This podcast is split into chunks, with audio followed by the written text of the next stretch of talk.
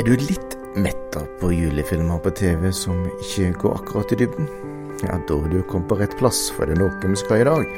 Så er det å virkelig gå i dybden på flere prinsipielle spørsmål.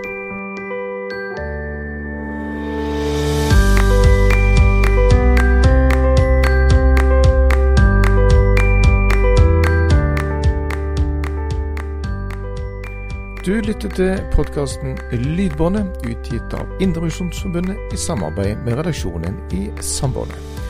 I studio i dag sitter journalist Wilhelm Viksøy og medieleder og redaktør Petter Olsen.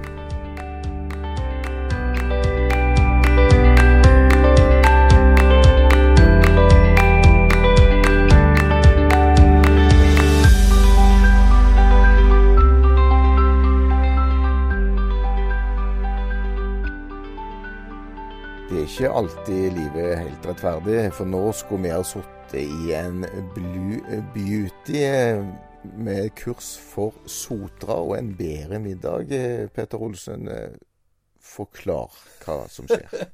Ja, det er for gale i grunnen, ja. Altså, Blue Beauty er jo en, en Mustang da, med ei Altså en L-Mustang. Og, og grunnen til at vi ikke hest. Ikke bil, ikke hest, ja. og grunnen til at vi ikke sitter i den på vei til Sotra, er jo som så Det som er grunnen til så mye annen elendighet, hadde jeg nær sagt, nemlig dette koronaviruset og de siste eh, innstramningene i forhold forhold til smittevernreglene, som jo altså da fører til at vi ikke kunne ha denne lunsjen eller julemiddagen likevel.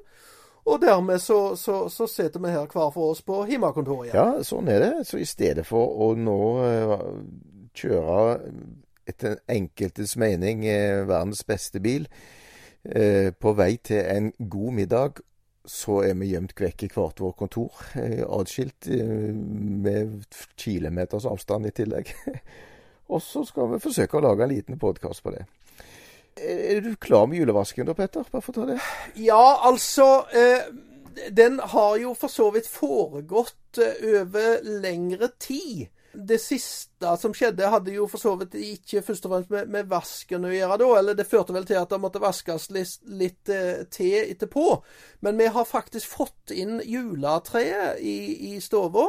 Og det ble pynta nå på eh, søndag, eh, når vi hadde fått eh, alle tre ungdommene hjem igjen. To av de har, er ute eh, utenbys og, og studerer, men, men søndag så var vi alle samla, og da ble Det høres ikke så ulikt ut sånn som hos oss. Jeg kjenner jo at det er Det var jo ikke sånn da jeg vokste opp. Da skulle jo ikke tre inn før, rett før, men nå skeier jeg ut, jeg òg. Jeg har til og med hørt på julemusikk i advent. Jeg vil ikke si det til noen. Men, men du, eh, vi må prate oss litt inn i eh, saker og ting òg, for at eh, nå er vi jo på en digital podkast. Men du har jo òg nettopp vært på en digital reportasjetur. Det er ikke hva. Nei, og, og, og da handler det jo om det som faktisk har, har fått eh, et navn. Altså, eh, det blir kalt for Klepp-saka. Og det er jo dette med eh, reglene for tildeling, av kulturstøtte i Klepp kommune på Jæren. Det er en lokal støtte som deles ut i kommunen. Ja, det stemmer. Og det som diskusjonen har, har dreid seg om, det er altså retningslinjene for denne kommunale støtten, da. Og eh, det som har skjedd, er jo at et utvalg blant politikerne, de kom med forslag rett før nyttår i fjor, faktisk, eh, at eh, det skulle stilles et krav om at alle måtte være valgbare til styre og stell i de lag, foreninger og organisasjoner som ville søke om støtte. Og, og en måtte være valgbare uavhengig, sto der, av bl.a. Eh, eh, seksuell orientering og samlivsform. Og det eh, fører jo da til at eh, til et bedehusstyre, f.eks., så må en være valgbar da, selv om en f.eks. er homofilt samlevende, eller en er heterofil eh, samboer.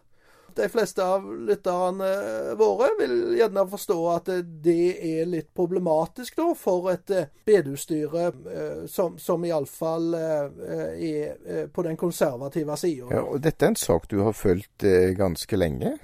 Ja, altså, jeg ble jo oppmerksom på den da for et ja, ca. et år siden. Og har eh, skrevet litt om den, både i, i, eh, i Sambandet, i, eh, i lokalavisa Jærblad og på bloggen min. Så ble det jo så at saka blei Når den fikk såpass stor oppmerksomhet da i vår, når den egentlig skulle vært politisk behandla, så ble den utsatt, og den ble sendt på høring. Og det var faktisk ca. 80 80 høringsuttalelser, og de aller, aller fleste var da eh, mente da at dette kriteriet som jeg nevnte, at det burde tas vekk fordi at det kunne føre til innskrenking av trosfriheten og faktisk til diskriminering av eh, bedehuskristne, for å bruke et sånt uttrykk, på Klepp. Men ja, og, og, og, og, det som da skjedde når, når Satjo da kom på sakskartet igjen etter valget eh, Det var jo et, eh, et, hovedutvalgsmøte. Hovedutvalget for samfunn og kultur behandla Satjo i november. Og da hadde kommunedirektøren, eh, det som i andre kommuner jevnt kalles for rådmann, hun hadde snudd eh, i, i, i saka og la den nå fram der hun mente at dette eh, kriteriet om valgbarhet på tross av samlivsform og seksuell orientering, det burde tas ut av, eh, av eh, retningslinjene. Og det mente kommunedirektøren fordi hun, både fordi hun var i tvil om det ville stå seg rettslig, og fordi at hun òg mente at det ville fungere splittende i kommunen, og at det ville òg ramme faktisk båten og ungdommer som eh, da kunne oppleve i kristne miljøer at eh, de ikke fikk eh, kommunal eh, kulturstøtte. Men eh, flertallet i hovedutvalget de ville likevel ha dette kriteriet med. Og jeg var til stede da eh, i det hovedutvalgsmøtet som var da i kommunestyresalen i Klepp rådhus. og det har jeg jo for så vidt vært før, men, men, men eh, når jeg var jobba i Stavanger Aftenblad. Men i Sambandet er det vel faktisk første gangen jeg har eh, fulgt en, en kommunale saksbehandling på, på, denne måten. Ja, det er godt du får oppleve nye ting i Sambandet òg. ja. Men er saken nå avslutta? Med det ja, som du har fulgt? Både ja og nei. Den 13. desember eh, så eh, kom da saka opp for kommunestyret til endelig vedtak. Og da var eh, møtet stengt pga. at det da var blitt innført strengere smittevernrestriksjoner. Eh, men eh, det ble da sendt digitalt, så derav din eh, kommentar innledningsvis om digital reportasjetur. Da satt jeg på det samme hjemmekontoret som jeg sitter nå, og fulgte denne debatten. Og den varte, våger meg, i bortimot to timer, og jeg ja, jeg noterte på PC-en underveis, og det var et omfattende arbeid å prøve å, å få uh, klapra ned hva alle disse representantene som uh, ba om ordet, sa. Men jeg tenkte at sannelig min hatt, her skulle jeg dokumentere for ettertida hva som ble sagt i, i denne saka, da. Og så, etter to timer, bortimot to timers debatt, så, så endte det jo med da at 20 stemte for at dette kriteriet skulle tas inn, altså mot eh, innstillingen fra kommunedirektøren, og 11 eh, stemte imot. Og, eh, og, da var jo sånn sett eh, saka ferdig behandla i kommunen. Men Eh, nå, eh, nå, nå eh, tar vi altså opp dette på tirsdag den 21. desember. Og for bare en time siden eh, cirka, så, så publiserte jeg ei, ei sak på samband.no der vi forteller at, at nå har det vært et møte denne veka eh, der òg Norges kristne råd var involvert, og ellers et bredt eh, utvalg av ifra kristenlivet på Klepp, eller i Klepp kommune. Og da har en funnet ut at en vil, en vil, vil vurdere to måter å gå videre med, med dette på. Den ene er det som kalles for en lovlighetskontroll av det politiske vedtaket. At en på en måte ber eh, statsforvalteren om å se nærmere på om vedtaket er lovlig fatta. Og den andre veien er at en kan eh, klage det inn for det som heter diskrimineringsnemnda. Så det er ikke fatta endelig beslutning om, eh, om en vil eh, gjøre dette, men, men, men, det er det som er de to veiene som, som en nå ser for seg å gå videre med denne saken. Og jeg syns det er litt interessant når, når pastor Aslak Tveita i Fokus eh, hverdagsmenighet eh, på Kleppe bedehus han sier at det, det, ligger jo egentlig i ryggmargen på oss kristne, sier han, å leve i fred og unngå konflikter.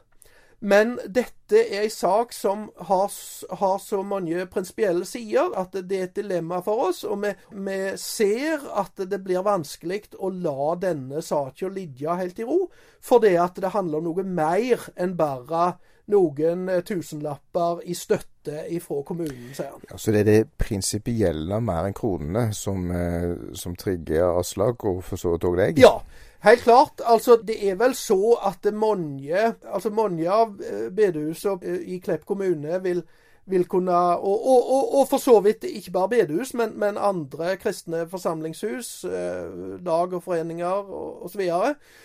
vil nok kunne fint klare seg uten disse tusenlappene. Men, men her handler det altså om eh, store prinsipielle ting som, som trosfrihet, som jo er er forankra i menneskerettighetene, som eh, mange da mener, meg sjøl inkludert, at her blir trua. da. At en på en måte sier at eh, hvis du ikke gjør sånn som vi vil, så får du ikke penger. Altså en, en knyter eh, en knyter økonomiske pressmidler eh, opp mot trosfriheten. Og det, det, er det som gjør at denne saken er, er, er verdt å følge med på og, og, og forfølge, tenker jeg. Men her er det jo andre grupperinger som òg ikke får støtte, f.eks. politiske eh, foreninger. Så det er jo ikke bare eh, samlivsetiske spørsmål som holdes utfor. Nei da, eh, det, det, har du helt rett i. Men det er jo den problemstillingen som folk har grepet tak i, kan du si. Og som altså, er ny. Det handler om eh, trosfrihet. Det handler om at, at det konservative kristne her kan kan være diskriminert. Mens vi jo ofte får beskyldninger mot oss om at det er vi som diskriminerer. Så er det altså her det motsatte som kan være tilfellet. At konservative kristne blir eh, diskriminert. Ja.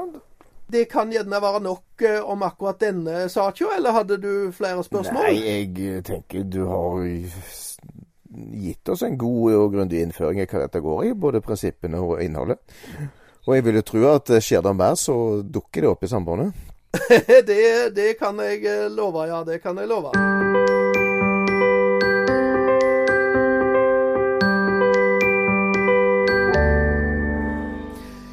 Det er jo flere ting som er aktuelle akkurat nå. Og, og da kan jo statsbudsjettet være eh, neste stikkord. Det, det, er jo så at vi fikk et eh, regjeringsskifte i høst. og og da kom det det som kalles for et tilleggsnummer til den forrige regjeringen sitt statsbudsjett. Og, eh, og var det noe der, Wilhelm, som var spesielt interessant eh, sett ifra vårt uh, synspunkt, uh, som jo skriver om IMF, som, som bl.a. er en store skoleeier? Ja, hint, hint, hint. du tenker på, på det som ikke faktisk kom i tilleggssaken, men som kom i hovedbudsjettet, som regjeringen Solberg la fram før de eh, forlot skuta. Og det handler om et eh, Altså statstilskuddet til friskolene i Norge. For de baserer seg på Det heter at du skal ha 85% av det den offentlige skolen koster. Eh, og i praksis så har det ofte vært brukt forutgående år som et grunnlag. Eh, men det som skjedde nå, det var jo at 2020 var jo et Det var jo et litt spesielt år. Ja. Altså Det var jo denne koronaen som da tok av og kom, og det ble hjemmeskoler, og det var støtteordninger og tilskudd og mye ulikt. Så tallene for 2020 er ikke et reelt skoletall. Men det er likevel det tallet som ligger til grunn for 2022-tilskuddet. Og det kom som en overraskelse for, eh, for veldig mange. Og for IMF-skolene del så regna vi ut at det var jo betydelige millioner som, som gikk med. Var det åtte og en halv vi kom fram til, Petter? Husker du det? Du som er bedre på tall? Ja, altså det var faktisk det. En, enda lite grann mer. 8,6 skriver vi på første sida i, i Sambandet nå, som kom ut denne uka. Som, som, var mindre enn det en hadde forventa. Og det er klart, i det forventa tallet så ligger det høyde for en viss justering og sånn, men eh, da snakker vi om de videregående skolene som IMF eier eller er medeier av. Og klart 8,6 millioner det er en, en del penger, og noen av de har litt på bok, så de klarer seg. Andre har ikke så mye på bok, så det gjør det betydelig tøffere. Eh, men klart det som er blitt interessant for en del, og det er at eh, dette kommer jo Noen tenkte kanskje at det var en ny rød-grønn regjering som ikke tradisjonelt sett har vært like glad i friskolene. Men det var jo faktisk eh, Solberg-regjeringen, altså Solberg, Høyre, Høyre, Venstre og KrF, som la fram dette budsjettet, som justerte ned støtten til friskolene. Og Det blir òg innrømt fra statssekretærene i Venstre i en eh, Almeland som var intervjua NRK Hordaland, at jo, eh, det er nok ting her som eh, kunne ha vært sett på. Eh, det har vi ikke gjort, det får vi ta i revidert budsjett. Og så skyver han ballen videre til neste. Og det er klart at det KFF sier, altså Kristne Friskolers Forbund, med Jan Erik Sundby i spissen som generalsekretær. Han sier at embetsverket har nok sitt på det tørre, eh, men han er litt skuffa over den politiske viljen til å gripe inn og si at jo, men hør nå, dette kan ikke gå, for her er det her er det en skjevhet som vi må rette opp i allerede nå, og ikke bare skyve det til neste regjering og neste reviderte budsjett. Er det noe som, som tyder på at det kan skje noe med dette? Altså, du, du, nevnte Kristne Friskolers Forbund, og, og, de har jo eh, faktisk engasjert eh, en konsulent til å jobbe litt med dette, forstår jeg? Ja, eh, Sundby forteller da at de har hyra inn også et Agenda Kaupang, som er et konsulentbyrå, som skal granske litt pengebruken i offentlig skole. Det har ikke direkte med dette å gjøre, dette er nok ting som de har tenkt på lenge, men som nå ble aktualisert på nytt. Eh, for at denne 85 Ja, men hva, av, av, hva da? Det er jo mange måter å føre tall på. Som sier bl.a. at alt som skjer over rektornivå på en skole, føres i andre regnskap enn i skolebudsjettet. Mens for en friskole så vil alt føres i skolebudsjettet. Så det, Han har en sånn eh, teori på at eh, det reelle støttetallet kanskje ligger nærmere 65% enn 85% Og Det har de nå hyra Agenda Kaupang til å granske pengestrømmen. Rett og slett altså følge pengene. Hvor mye brukes det? Så Vi kunne ha gjort noe av dette sjøl, men det er noe om å få gjort det på en god måte, og så litt av en uavhengig part. Eh, så er målet å få en foreløpig tall, iallfall til mars, sånn at det er på plass før revidert budsjett. og det som er, er jo at friskoleloven, sånn som den ligger i dag, eller privatskoleloven, alt etter hva navnet bruker, den skifter litt navn underveis, det er en ganske brei politisk enighet om loven som den er. For den, den, er litt sånn kompromiss, og den Sjøl de som ikke er så glad i eh, friskolene, syns det er bedre at du har en idealistisk friskole enn at du får rene kommersielle skoler.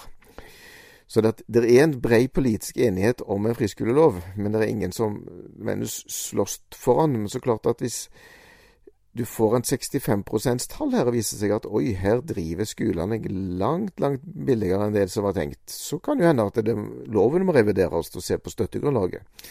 Men det er det som de da vil finne ut av, at få litt tall på bordet, og ikke bare synse. Ja, og det tror jeg sannelig vi òg skal, skal følge nøye med på hva som kommer ut av det oppdraget som altså Kristne Friskolers Forbund har, har sett ut uh, der. Men Wilhelm, du frikjenner i hermetegn eh, eh, den nye regjeringen på akkurat dette med, med statsstøtten? Frikjenner vel ikke. Hva, hva... Jeg ser at forslaget kom fra Solberg-regjeringen, men eh, sittende regjeringen nå gjorde ikke så store forsøk på å snu det. Nei, nei. Så de er jo medansvarlige. Det står i det budsjettet som de la fram òg. ja. Men initiativet kom fra den forrige. Ja. Og det, det ser en av og til på en sånn avgående regjeringer. Så er det en sånn eh, politisk kamp der òg, at da karrer gjerne politiske parti som sitter med statsråden, til seg noen ekstra kroner her og der for å plassere det på sine gode prosjekt for å tekke sine velgere til neste valg. Eh, uten at den langsiktigheten nødvendigvis er der. Og det, det er ganske vanlig, eh, har jeg skjønt, i politikken, og i særlig siste statsbudsjettet, at da, da knabba en litt penger som var der fra før, og så flytta han det til andre. Jeg kjenner òg andre sammenhenger der det har skjedd. ja. eh, men klart, det som den rød-grønne gjør i tillegg, det er at det er noe som heter et kapitaltilskudd, som er en sånn drift av bygninger. Det eh, fjerna de òg, eller reduserte fall, eh, betydelig. Men men når vi er på skoleplan, eh, ikke bare snakker denne regjering, så er det jo òg eh, andre skolesaker Sambandet har fulgt lenge. Og da tenker jeg på ett hakk opp, eh, Petter Olsen, på høgskolenivå og NLA-høgskolen, som for øvrig fikk ny logo for ikke lenge siden. Der skjer det ting.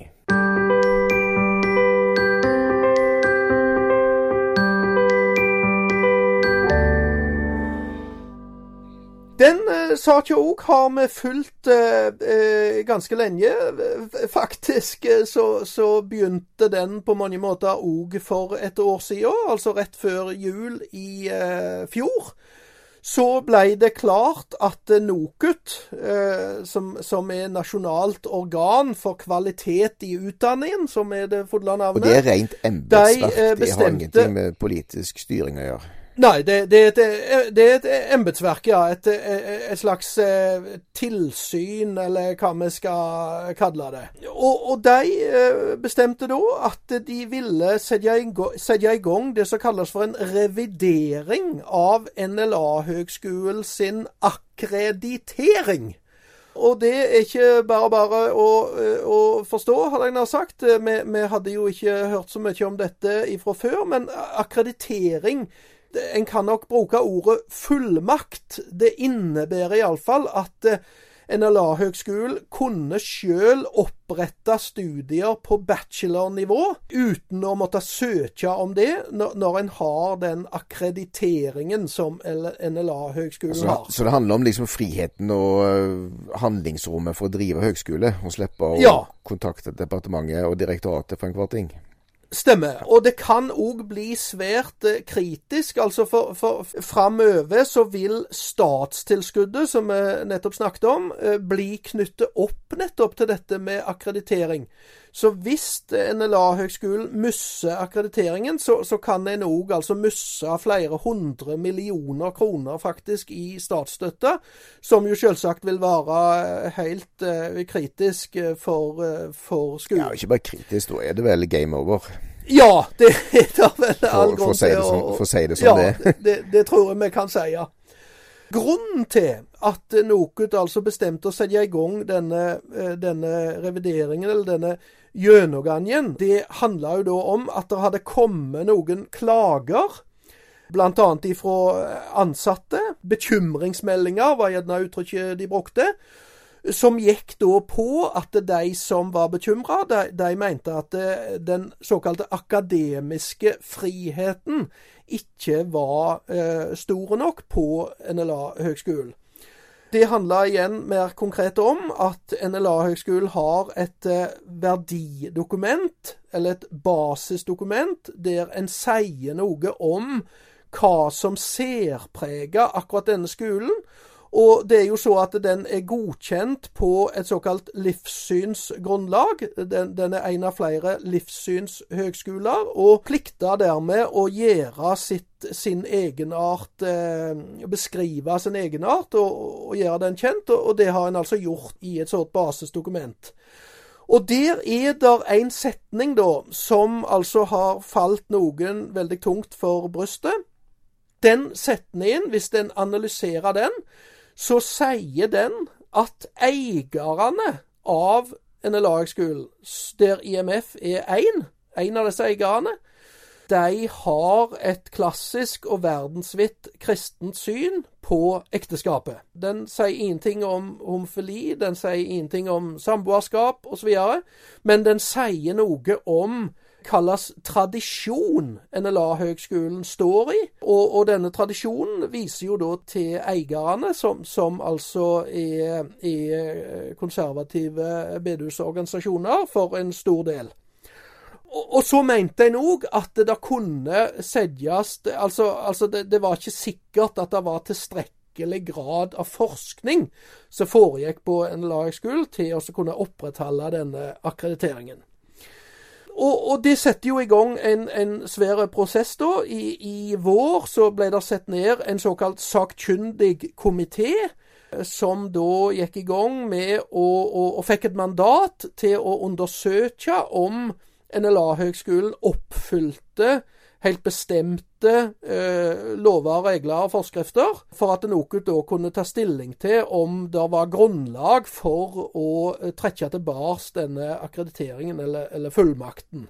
Og eh, i eh, høst, eh, i, eh, mot slutten av august, så la denne sakkyndige komiteen fram sin rapport, eller innstilling, som vi jo da selvsagt eh, skrev om i, eh, i, sambandet, både på papir og nett.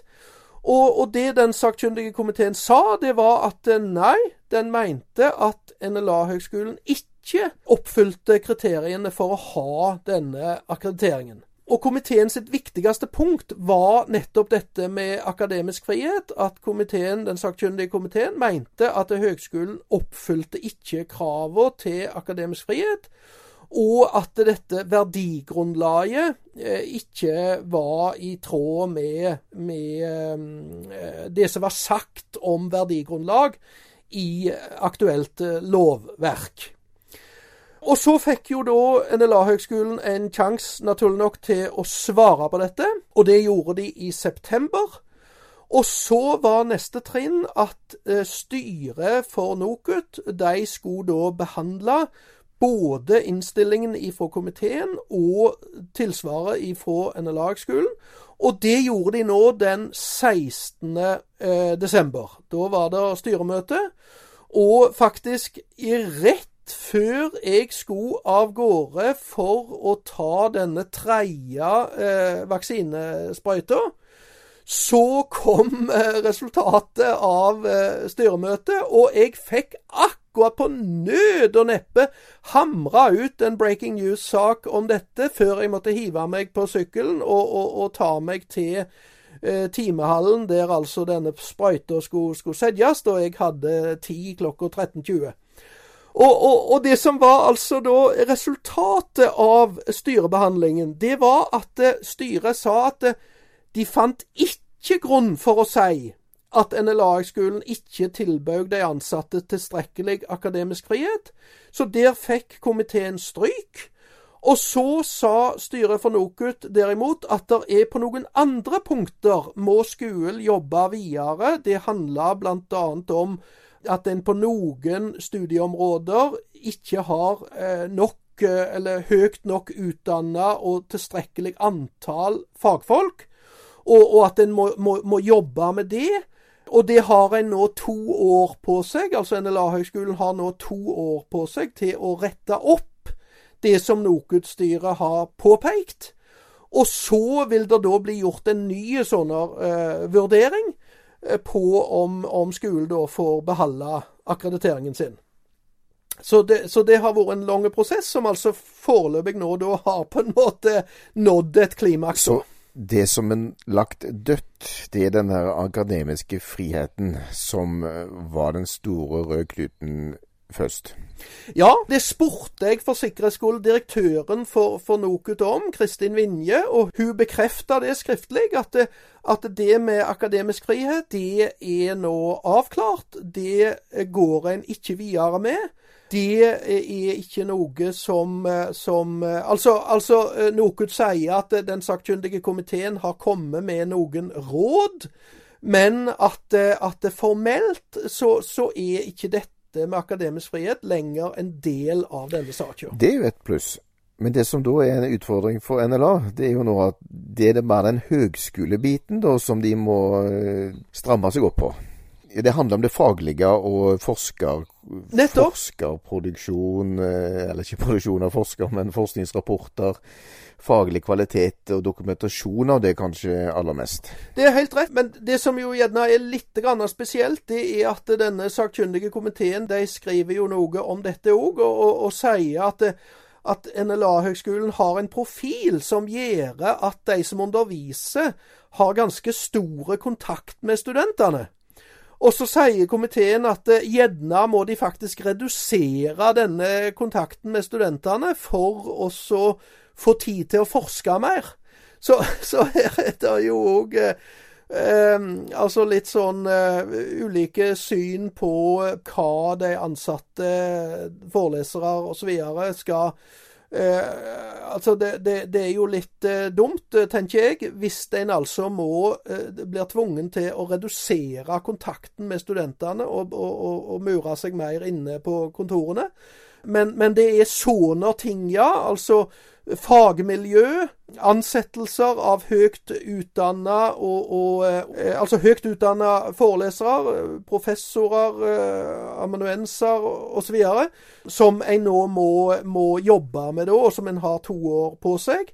Men det er likevel av en helt annen karakter eh, enn hvis, hele, nærmest hele grunnlaget for en LA-høgskole skulle ha blitt eh, eh, liksom sett ut av kraft, eller, eller på en måte bli, bli, eh, bli eh, sett spørsmålstegn ved, rett og slett. Ja, for der det handler om NLAs identitet. Dette handler om NLAs kvalitet som høgskole. Ja, det er en god måte å, å oppsummere det på, ja. Og jeg tillot meg eh, nå eh, nylig, eh, rett før helga, så, så, så, skrev jeg en kommentar eller en analyse på, på sambond.no der jeg ser litt på Altså, der er en voldsom papirproduksjon i denne saka. Og, og der ligger bl.a. En, en rapport fra et advokatfirma som NLA-høgskolen har brukt i sitt tilsvar, som det heter, til denne sakkyndige komiteen. Og, og, disse to advokatene som har ført den i tastaturet, de, de sier rett ut, faktisk, svar på hvitt, at de mener at den sakkyndige komiteen har vært forutinntatt. At de har gjort seg opp en mening på forhånd når det gjelder dette med akademisk frihet. Og at den meningen da er at det, det er for lite akademisk frihet. Og så har en forsøkt å bevise, bygge opp under den eh, oppfatningen. Og så mener da eh, dette advokatfirmaet at det For det første så har de da gått utover sitt mandat. For det, det, det komiteen skulle gjøre, som står i mandatet deres, er at de skal vurdere NLA-høgskolen opp mot bl.a. universitets- og høgskoleloven. Mens den sakkyndige komiteen har, har, brukt en masse med, med plass i rapporten sin på andre ting. Altså på hva noen måtte mene og tenke om den akademiske friheten, og ikke om det rent juridiske. Og det som blir direkte komisk, det er jo at, eh, at den sakkyndige komiteen beklager seg over at ledelsen på NLA har vært for opptatt av det juridiske. Mens altså da NOKUT-styret sier at eh, det, denne vurderingen til komiteen er de helt uenige i.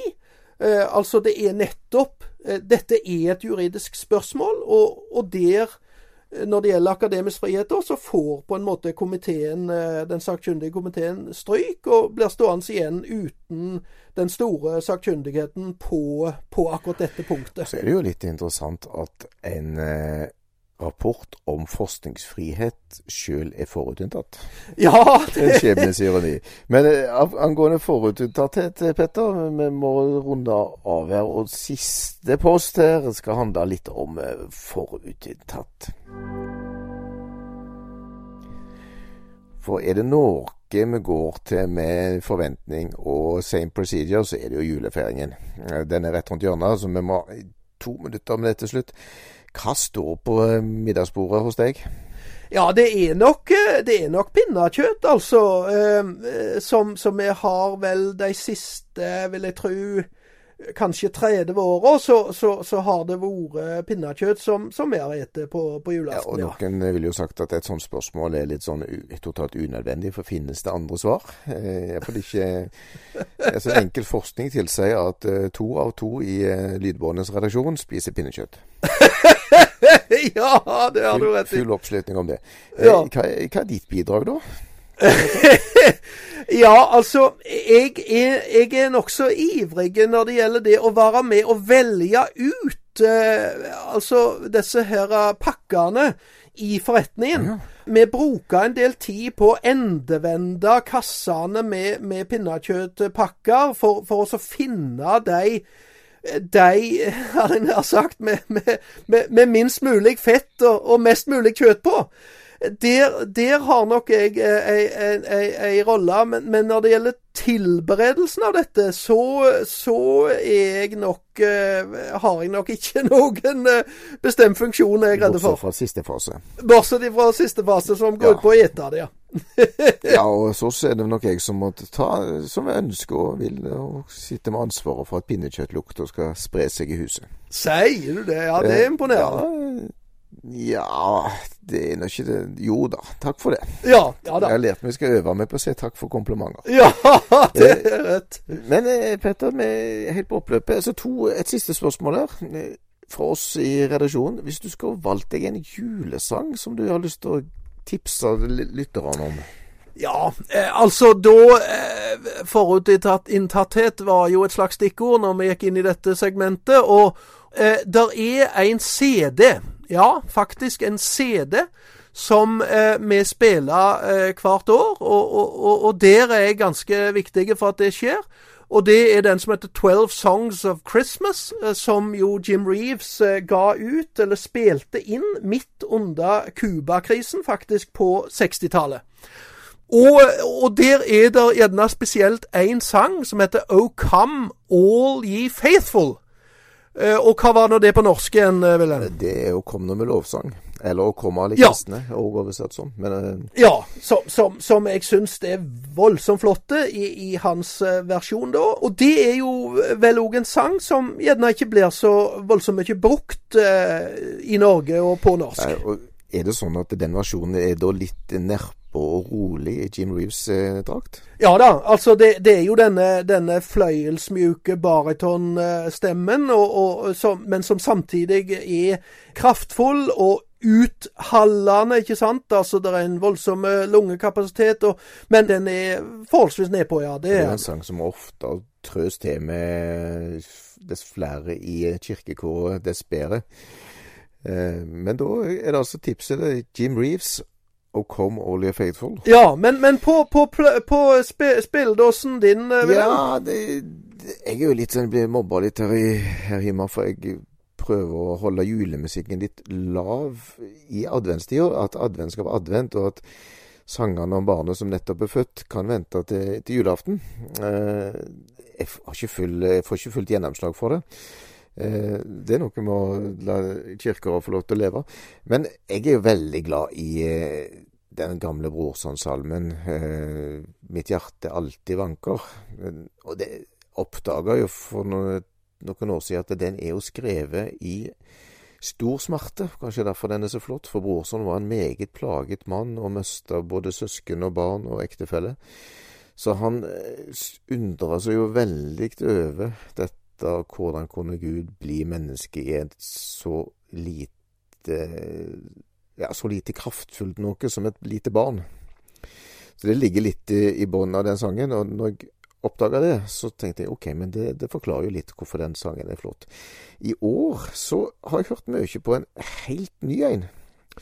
Så kanskje du skal få et tips nå, Petter. Det er Oslo Gospelkor som har gitt ut en singel som heter 'Hvor himmelen har søkt ly'. Jaha. Den òg eh, er en flott, nydelig sang som synger noe om lyset som ikke kunne gi tapt. Jeg syns det, det, er noe med det lyset og mørke perspektivet som jeg òg er veldig glad i. Lyset skinner i mørket. Lyset skinner i mørket, og mørket tok ikke imot det. Men lyset skinner likevel, uavhengig av om det blir tatt imot eller ikke. Nettopp. Men du, er vi i mål der? Ja, jeg tror ja, eh, vi får si det så. Er langt ut i desserten og kanskje kaffematen òg nå. ja, vi er nok det. da, da, tror jeg vi bare sier god jul, jeg, og så takk for eh, at du tok tid til å lytte til en lydbånd igjen. Ja, riktig god jul ifra oss i Lydbåndet og Sambåndet. Wilhelm Viksøy. Og Petter Olsen. Sier takk for følget.